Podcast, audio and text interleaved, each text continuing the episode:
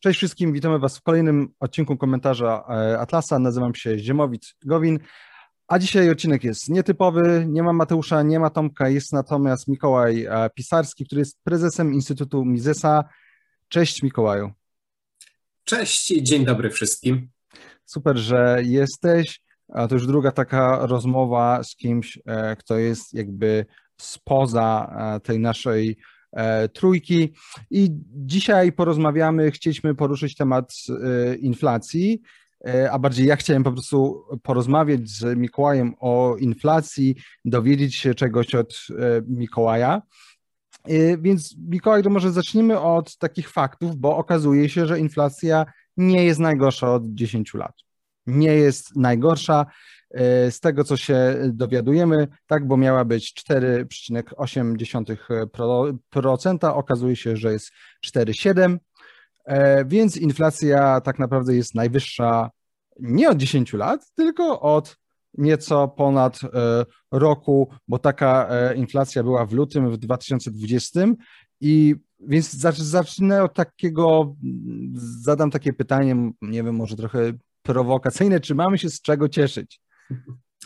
Znaczy, no, przede wszystkim czytając oficjalne komunikaty e, Narodowego Banku Polskiego, no to możemy wywnioskować, że nic się nie dzieje, prawda, że problem jest rozdmuchany, że to jest, to są, e, jak to tak bardzo e, eufemistycznie formułuje język komunikatu, przejściowe, okresowe, różne zmiany na rynkach, które wpływają na, na, na tą wysokość inflacji, E, no i e, ostatnia decyzja Rady Polityki Pieniężnej o utrzymaniu e, poziomu stóp procentowych na tym rekordowo niskim poziomie, czyli, czyli decyzja o niepodnoszeniu ich, no jest takim wyrazem tego, że NBP faktycznie twierdzi, że nic się nie dzieje. No, ale wydaje się, że wszyscy czujemy w swoich portfelach, wszyscy widzimy w swoich budżetach domowych, że jednak skala tej inflacji za naszego życia, życia ludzi przed czy w okolicach trzydziestki no niewątpliwie jest najwyższa. Ostatni moment, gdzie e, inflacja była tak ważnym tematem dla gospodarstw domowych, dla firm, dla e, przedsiębiorców w Polsce, e, no to były zdecydowanie lata 90., być może wczesne lata 2000. To był poprzednio taki moment, gdzie faktycznie to oczekiwanie inflacyjne bo to nawet nie chodzi o to, jaka jest faktyczna inflacja, chodzi o to, jakie my mamy oczekiwanie inflacyjne jako uczestnicy gry rynkowej, czyli jak my się spodziewamy, że inflacja będzie za pół roku, za rok, za dwa lata, za trzy e, no to ostatni raz wtedy było tak negatywne. No i pamiętajmy też, że te odczyty inflacji, nawet jeżeli nie, nie są rekordowe, czy nawet jeżeli nie jesteśmy najwyższym w Europie, tylko tam na drugim miejscu, e, to dalej są to odczyty znacznie powyżej E, wypadkowej prognoz, które e, analitycy publikowali wcześniej, no więc e, wydaje się, że jednak zaczyna być to, zaczyna być to zjawisko no, które jednak nie jest, tak jak mówi NBP, związane z jakimiś tam przejściowymi czynnikami, które miną. Ja obawiam się też w świetle ogłoszeń tych kolejnych rządowych programów, że niestety będzie to zjawisko stałe. E, no a wiemy dobrze, że im wyższa inflacja, tym ciężej nam planować e, jakiekolwiek działania na rynku, tym e, większą, można powiedzieć, karą czy podatkiem są obciążani ci z nas, którzy oszczędzają, którzy planowali na, na dłuższy okres czasu. No a tym większy prezent od państwa dostają ci, którzy się zakredytowali, którzy może mniej rozsądnie gospodarowali, którzy żyli z dnia na dzień czy właśnie na kredyt. No także ja byłbym tu większym pesymistą niż jest NBP w swoich komunikatach. No i właśnie e, czytamy, że najbardziej podrożały paliwa, wywóz śmieci, mięso drobiowe, ale też owoce, czytam też, że usługi szpitalne i sanatoryjne, ale tak jak powiedziałeś, no nie trzeba tak naprawdę sprawdzać tych danych, żeby to odczuć na własnym portfelu. Tutaj bym jednak być może nie wszyscy są równo ukarani, ale chyba wszyscy mimo wszystko e, mają gorzej, jeżeli wszystko jest po prostu e, droższe. No to teraz przejdźmy w takim razie do tych czynników, bo to jest, bo to jest e, ciekawe. Jedna z rzeczy, o których ja mam takie wrażenie, być może oglądam złe media, czytam złe gazety, ale mało się mówi mianowicie o podaży pieniądza i od lutego 2020 podaż pieniądza wzrosła o 285 miliardów złotych. I uwaga, prezes NBP Adam Glapiński twierdzi, że nie ma to przełożenia na stronę popytową w gospodarce i za wzrost cen odpowiedzialne są podatki. No więc tutaj moje pytanie do Ciebie, w jaki sposób możemy stwierdzić, bo my tu tak sobie siedzimy, widzimy, że w sklepach jest drożej, tak? Wszystko podrożało, i na ile możemy wskazać, na ile jesteśmy wskazać, że dane czynniki są na przykład związane, nie wiem, wynikają z pandemii, został zerwany łańcuch dostaw, e, a na ile, że coś jest wynikiem na przykład właśnie e, polityki takiej e, prosocjalnej prawa i sprawiedliwości albo podnoszenia nowych podatków, no bo wiemy, że bardzo podrożały napoje, które no, są słodkie, ale to przez podatek cukrowy. Więc czy jesteśmy, a jeżeli tak, to w, jaki, to w jakim stopniu jesteśmy w stanie stwierdzić, co jest główną przyczyną inflacji? Czy jest sens mówienia o głównej y, przyczynie inflacji? Czy być może jest tych po prostu przyczyn wiele i one sumują się y, na ten stan, jaki mamy y, teraz i jaki będziemy mieli też później? E, znaczy, przede wszystkim trzeba powiedzieć, że w tej wypowiedzi prezes Glapiński ma e, rację, a przynajmniej mm. większość racji, czyli nie ma, e, to się często zresztą w jakiś sposób często się to zarzuca szkole austriackiej i w ogóle Austriakom, no bo Austriacy faktycznie, e, zwłaszcza w teorii cyklu, zwracają uwagę na problemy, które w gospodarce wywołuje zwiększenie podaży pieniądza, ale to nie oznacza, że Austriacy e, mówią, że jest jakiś automatyczny czy konieczny związek między wzrostem podaży pieniądza a obserwowalną inflacją, czy, czy, czy tą wysokością wskaźnika inflacji, który przyjmiemy. I tu faktycznie prezes Glapiński może mieć rację, bo widzimy, że E, faktycznie w tym koszyku, no bo pamiętajmy, że też, też ten odczyt inflacji no to jest pewien koszyk mniej lub bardziej arbitralnie wybranych dóbr, których po prostu cenę sobie tam e, obserwujemy, obserwujemy odchylenia i tak dalej e, no to ma wpływ obecnie faktycznie zmiana cen, zwłaszcza ta bardzo duża wspomniana przez Ciebie zmiana cen paliwa, no, która wydaje się, że jest no, niezależna prawda, od instytucji krajowych, od krajowej polityki monetarnej. E, także tu nie ma automatyzmu, to trzeba sobie powiedzieć, ale to nie znaczy, że działania e, czy polityka monetarna, czy działania banku centralnego nie mają wpływu. Tak samo działania rządu, który jego zapowiedzi, jego ogłaszane programy i tak dalej, nie mają wpływu na wysokość e, inflacji. Wydaje się, że w przypadku naszego banku centralnego, no to kluczowe jest obserwowanie tego, jakie transakcje zawiera NBP. E, gdzie ten pieniądz trafia do gospodarki, bo to, to, to, nie jest, to nie jest obojętne, prawda? To nie jest obojętne, e, w którym miejscu ten nowy pieniądz się w gospodarce pojawi. Inny byłby wpływ E, zarówno na inflację, jak i na wzorce konsumpcji, gdyby na przykład, tak jak w tym typowym Friedmanowskim eksperymencie, zrzucić pieniążki z helikoptera, każdemu z nas na koncie dopisać parę zer, zupełnie inny jest teraz, kiedy głównie te środki no, trafiają e, w pierwszej kolejności na rynki finansowe, trafiają na giełdę. Te, te, te środki, także te środki covidowe w dużej mierze E, można powiedzieć, że napędziły nam inflację, inflację wycen spółek na e, GPW. E, w odniesieniu do zapowiedzi Polskiego Ładu, czy, czy, czy w ogóle też tego kulturowego przeświadczenia o tym, gdzie bezpiecznie jest lokować pieniądze, możemy też mówić o znacznej inflacji cen mieszkań, prawda, w pandemii, czy w ogóle nieruchomości. Ale to nie oznacza, że mamy tu jakiś automatyzm na ten ogólny, czy, czy ten związek z, ze wzrostem podaży pieniądza ma bezpośrednie przełożenie na e, ogólny poziom cen.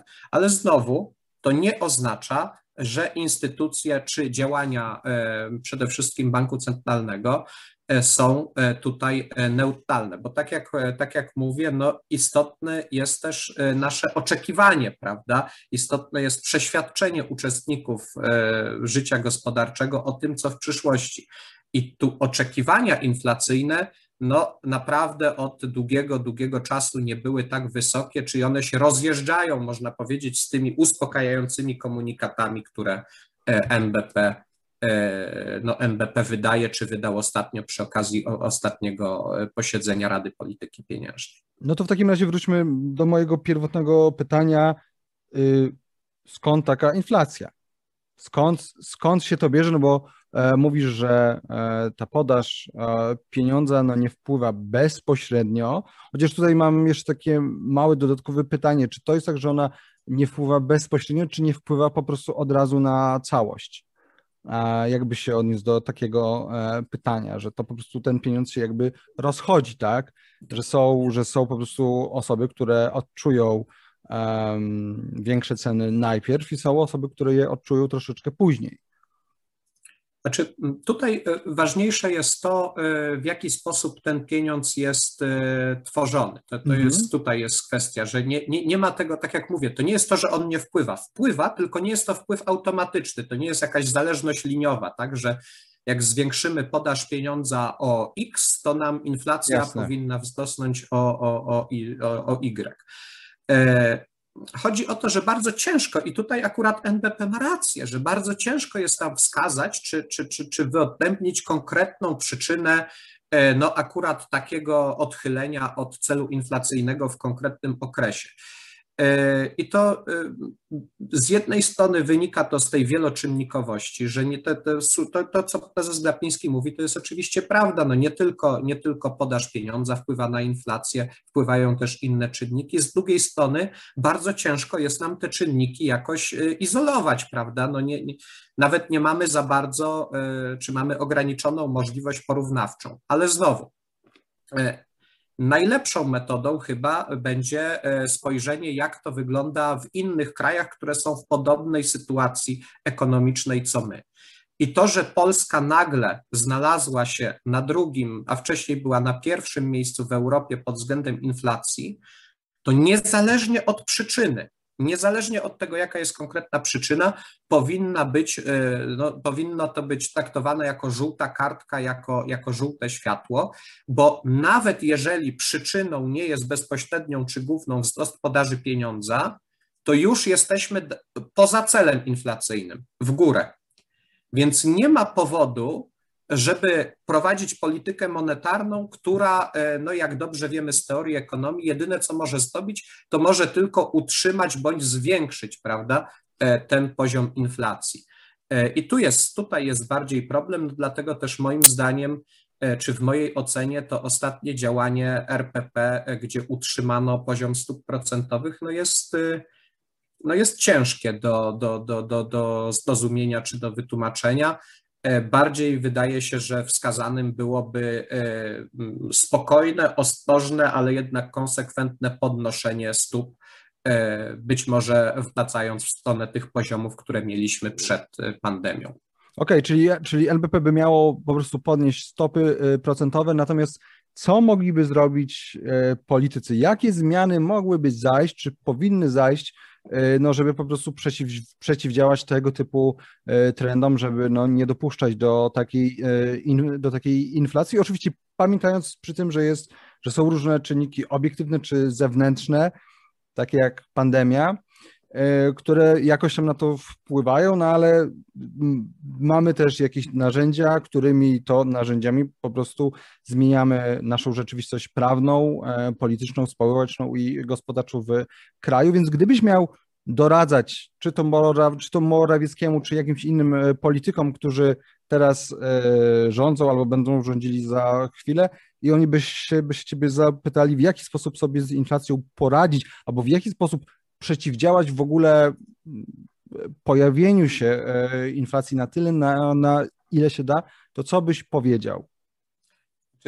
Pamiętajmy, że politycy absolutnie nie są zainteresowani ograniczaniem inflacji. Inflacja dla, e, dla polityków to jest, można powiedzieć, e, urodziny i święta Bożego Narodzenia w jednym. E, to jest najlepsza rzecz, która się może wydarzyć, bo na inflację powinniśmy patrzeć jak na formę podatku, powszechnego, nie, bardzo ciężkiego do uniknięcia podatku, który można uchwalić bez ustawy bez konieczności przeprowadzenia go przez Sejm. No bo jeżeli spojrzymy na to, kto kreuje pieniądz, pieniądz kreuje monopolista Narodowy Bank Polski. Gdzie trafiają te środki? No widzieliśmy w przypadku tarcz, w przypadku programów covidowych, będziemy widzieć teraz już na poziomie europejskim w przypadku Funduszu Odbudowy i, i Europejskiego Banku Centralnego, ale to jest to samo, tylko poziom wyżej w strukturze międzynarodowej, że trafiają nie do e, prywatnych podmiotów, nie do konsumentów, tylko trafiają do e, rządowych fundacji, instytucji, e, jakichś funduszy, trafiają do firm blisko powiązanych, często osobowo, personalnie powiązanych z decydentami politycznymi. Więc gdybym był doradcą politycznym, to musiałbym powiedzieć, że jest dobrze, panowie, trzymajmy się na ścieżce i kursie bo dla polityków inflacja, e, o ile, o ile nie wymyka się spod kontroli, e, jest sytuacją bardzo wygodną, bardzo atrakcyjną. Jest to nic innego jak transfer środków od społeczeństwa, od konsumenta do tych miejsc w gospodarce, które są blisko decydentów politycznych i do podmiotów gospodarczych, niezależnie od tego, czy są prywatne, e, czy publiczne, które są z nimi blisko powiązane. Na co rząd mógłby stopić? No najważniejsza rzecz to jest e, w tym momencie ograniczenie transferów e, społecznych i socjalnych. To jest, to jest pierwsza rzecz, którą rząd mógłby zrobić. No bo e, jeżeli mamy, czy, czy uważamy, że mamy problem rosnącego ogólnego poziomu cen, to jest absurdalnym dosypywanie jeszcze szufelką ludziom pieniędzy, które no na co pójdą? Pójdą, czy zostaną przepalone, przejedzone na konsumpcję, do tego bardzo często no, na taką konsumpcję e, można powiedzieć, e, nie chcę powiedzieć, że gorszego, gorszego, gorszej jakości, bo to oczywiście każda decyzja konsumencka jest w pełni suwerenna, każdy ma prawo na to wydać swoje 500 plus czy, czy inne rzeczy, na co chce, no ale bardzo często są to takie wydatki, których w normalnych warunkach, gdyby te pieniądze były zaoszczędzone czy zaplobione, no e, ci konsumenci trochę innych wyborów by na rynku dokonywali. E, trochę inaczej by, by można powiedzieć swoimi decyzjami prowadzili tą naszą gospodarkę krajową. No ale dobra, to właściwie poruszyłeś temat, który, o który chciałem zapytać, czyli 500 plus. Czy 500, plus, jak niektórzy sądzą, jest skazane na ciągłe przewartościowywanie e, właśnie ze względu na e, inflację? To znaczy, jest e, inflacja, więc 500 plus to jest nagle 450 plus, potem 400 plus, potem 350 plus. I teraz pytanie, na ile, na ile 500 plus samo w sobie jest inflacjogenne? Że się tak wyrażę. To znaczy, czy można mieć 500, czy można mieć takie programy jak 500 plus e, bez żadnych e, konsekwencji, przynajmniej jeżeli chodzi o e, inflację? Znaczy, y, można mieć wszystko bez widocznych konsekwencji, bo zawsze mamy czynniki, które nas pchają w górę i będą nas ciągnąć w dół, prawda? Czyli będziemy mieli jakąś presję inflacyjną, jakąś pres, presję deflacyjną. Y, y, nie wiemy, prawda, czy tylko odczytując dane już historyczne, tak naprawdę możemy się zastanawiać, no, które akurat przeważyły. Więc no oczywiście, że y, można sobie wyobrazić taką sytuację, w której nawet jeszcze bardziej roz, y, rozwinięty y, system transferów socjalnych nie generuje nam widocznej presji inflacyjnej, ale to nie oznacza, że jej nie ma. To wtedy trzeba się natychmiast zastanowić, to co innego i gdzie się dzieje, że pomimo tego, że tak mocna presja jest, czy tak duża presja jest, nie obserwujemy jej w odchyleniu naszych e, wskaźników. E, także to zawsze tak powinniśmy to pytanie stawiać. A jeśli chodzi o waloryzację, jeśli chodzi o, o, o waloryzację, no to jeżeli jeżeli rząd chce utrzymać sensowność tego programu i dalej chce wykorzystywać go do e, kupowania głosów w kolejnych wyborach, no to to jest nieuniknione. To jest nieuniknione, że my będziemy mieli prędzej czy później ktoś obieca i, i, i niestety pewnie przegłosuje 700 plus, 800, potem będzie 1000 plus i tak dalej.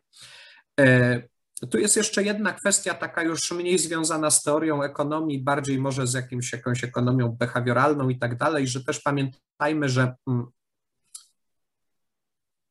trochę inaczej postrzegamy e, te, te, te transfery socjalne, w sensie nie, nie każdy z nas prowadzi taką skrupulatną kalkulację, gdzie nam się wydaje, czy, czy że obserwujemy to, że już na przykład dzisiaj te 500 plus z początku programu to jest tylko jakieś 460, jeśli dobrze pamiętam, złotych.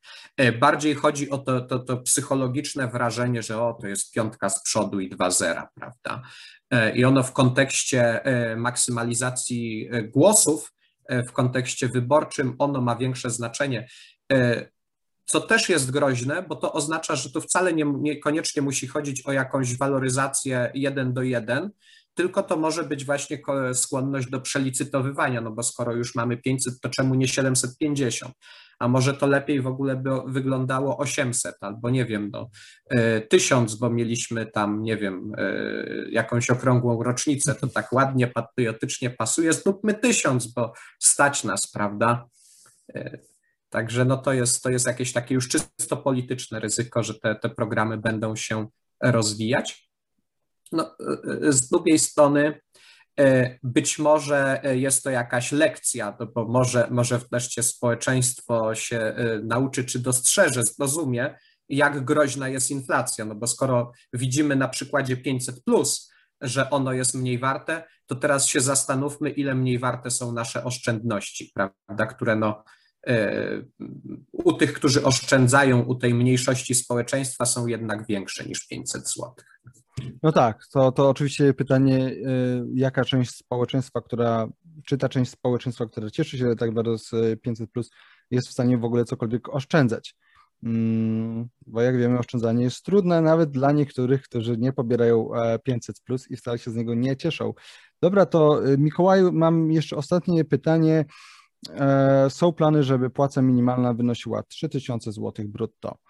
I czy, czy właściwie do, doszliśmy do takiego etapu, w którym e, no okej, okay, no 500 plus jeszcze nie doszło do e, waloryzacji, ale zapewne, zapewne dojdzie. Zresztą wiemy, że, Pol, że Polski Ład ma, że w Polskim Ładzie są niektóre pomysły też takie socjalne, z których częściowo Morawiecki już powiedział, że się wycofuje, częściowo, że nie dopóki nie zobaczymy ustaw, to tak naprawdę nie będzie wiadomo, ale mam takie wrażenie i, i, i, sądzę, że większość ludzi ma takie wrażenie, no, że po prostu podnosi się e, datki e, socjalne, transfery, e, no i właśnie płacę minimalną. W, w jaki sposób płaca minimalna wpłynie na tę sytuację gospodarczą Polski teraz, no, w czasie, w którym powiedzmy, że wychodzimy z e, pandemii, zakładając, trzymając kciuki, że nie będzie czwartej fali i nie będzie kolejnych lockdownów? Wpłynie w taki sposób, w jaki koniecznie zawsze musi wpłynąć podniesienie płacy minimalnej. To jest tak, jakby wpłynęło ustanowienie ceny minimalnej na jakikolwiek inny towar, gdzie uznalibyśmy to za całkowity absurd, gdybyśmy wprowadzili na przykład, nie wiem, e, cenę minimalną za bochenek chleba, tak, czy za nie wiem, e, za komputer, tak? E, wpłynie tak, że po prostu część transakcji na rynku, tylko takich, gdzie nie są sprzedawane dobra i usługi, tylko sprzedawana jest praca, zostanie ustawowo zdelegalizowana. Zostanie zdelegalizowane sprzedawanie pracy poniżej tej kwoty 3000 zł.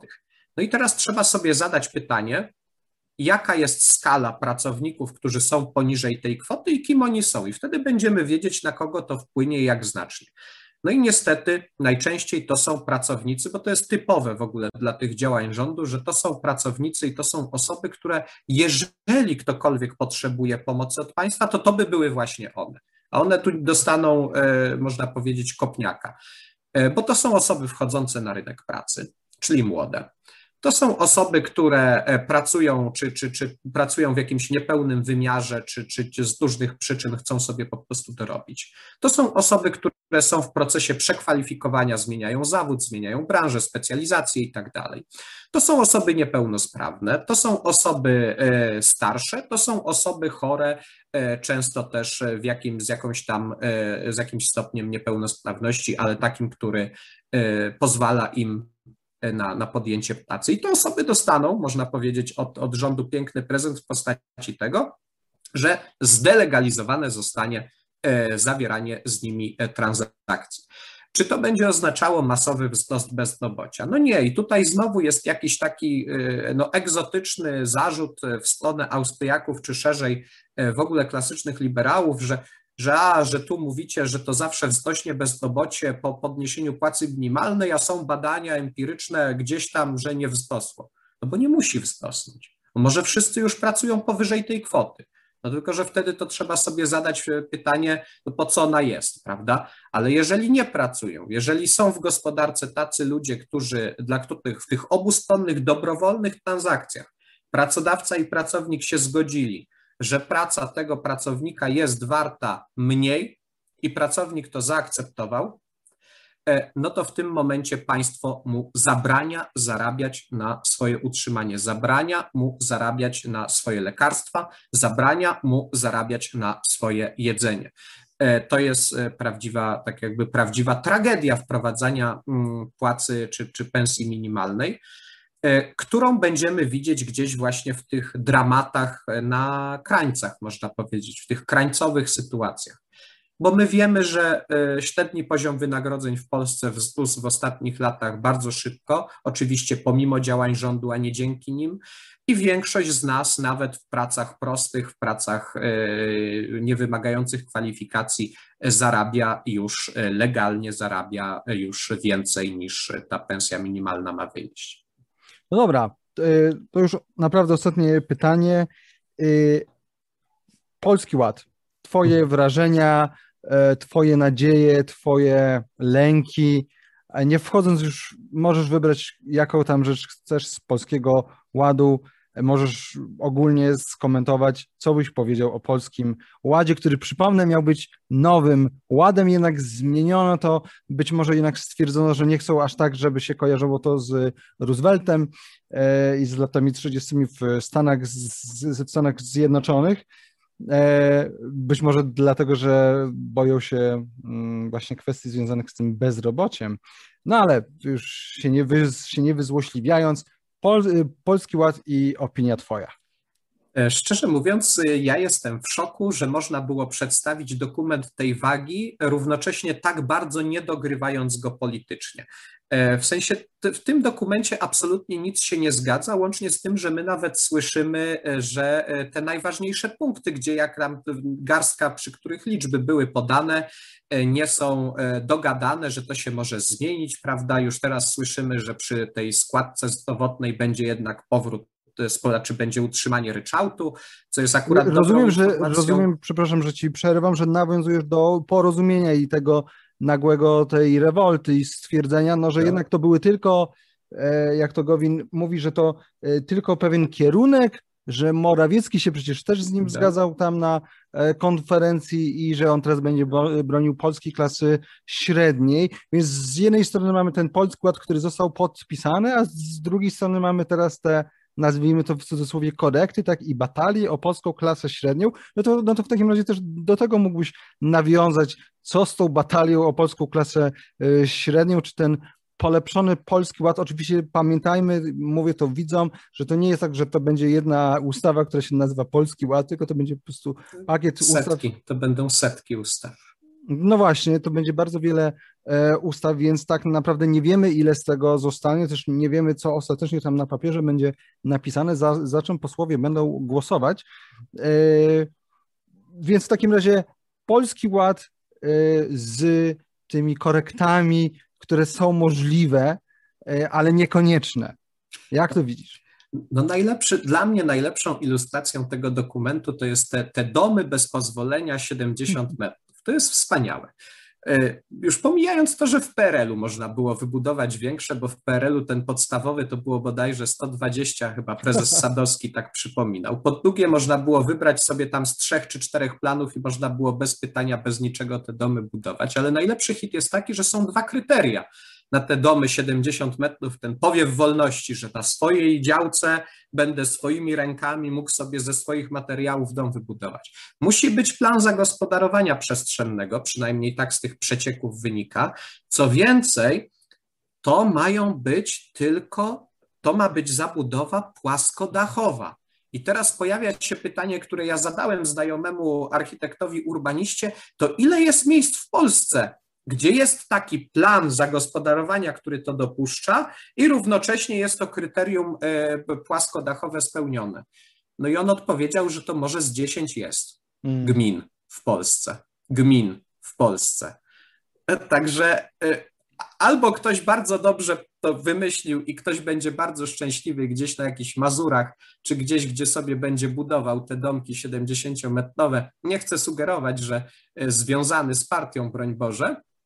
No albo e, jak zwykle okaże się, że tych kryteriów, tak jak było przy estońskim CIT-ie na przykład, e, tak jak było przy uldze B plus R, że tych różnych kryteriów drobnym tuczkiem jest tak dużo, że więcej czasu i kosztów poniesiemy na czytanie tych ustaw i analizowanie tego polskiego ładu, niż realnie będzie wynosiła korzyść nawet w tych obszarach, gdzie on coś dobrego próbuje robić. I to jest fundamentalny problem tego dokumentu.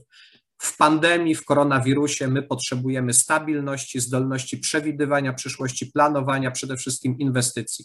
A ten dokument, tak jak i inflacja, której rozmawialiśmy, one tylko zwiększają nasze poczucie niepewności. To już lepiej by było, gdyby rząd po prostu nic nie robił, nie pomagał, bo przynajmniej byśmy wiedzieli, czego się spodziewać, a tak to znowu nie wiemy nic. I to jest największy problem z tym dokumentem. I tą, z tą pewnością dotyczącą poczucia niepewności fundowaną przez rząd kończymy dzisiejszą rozmowę. Mikołaju, bardzo Ci dziękuję. Bardzo dziękuję, dziękuję Państwu. Zachęcamy Was do lajkowania, subskrybowania, komentowania i do wspierania nas na Patronajcie. Do zobaczenia. Cześć.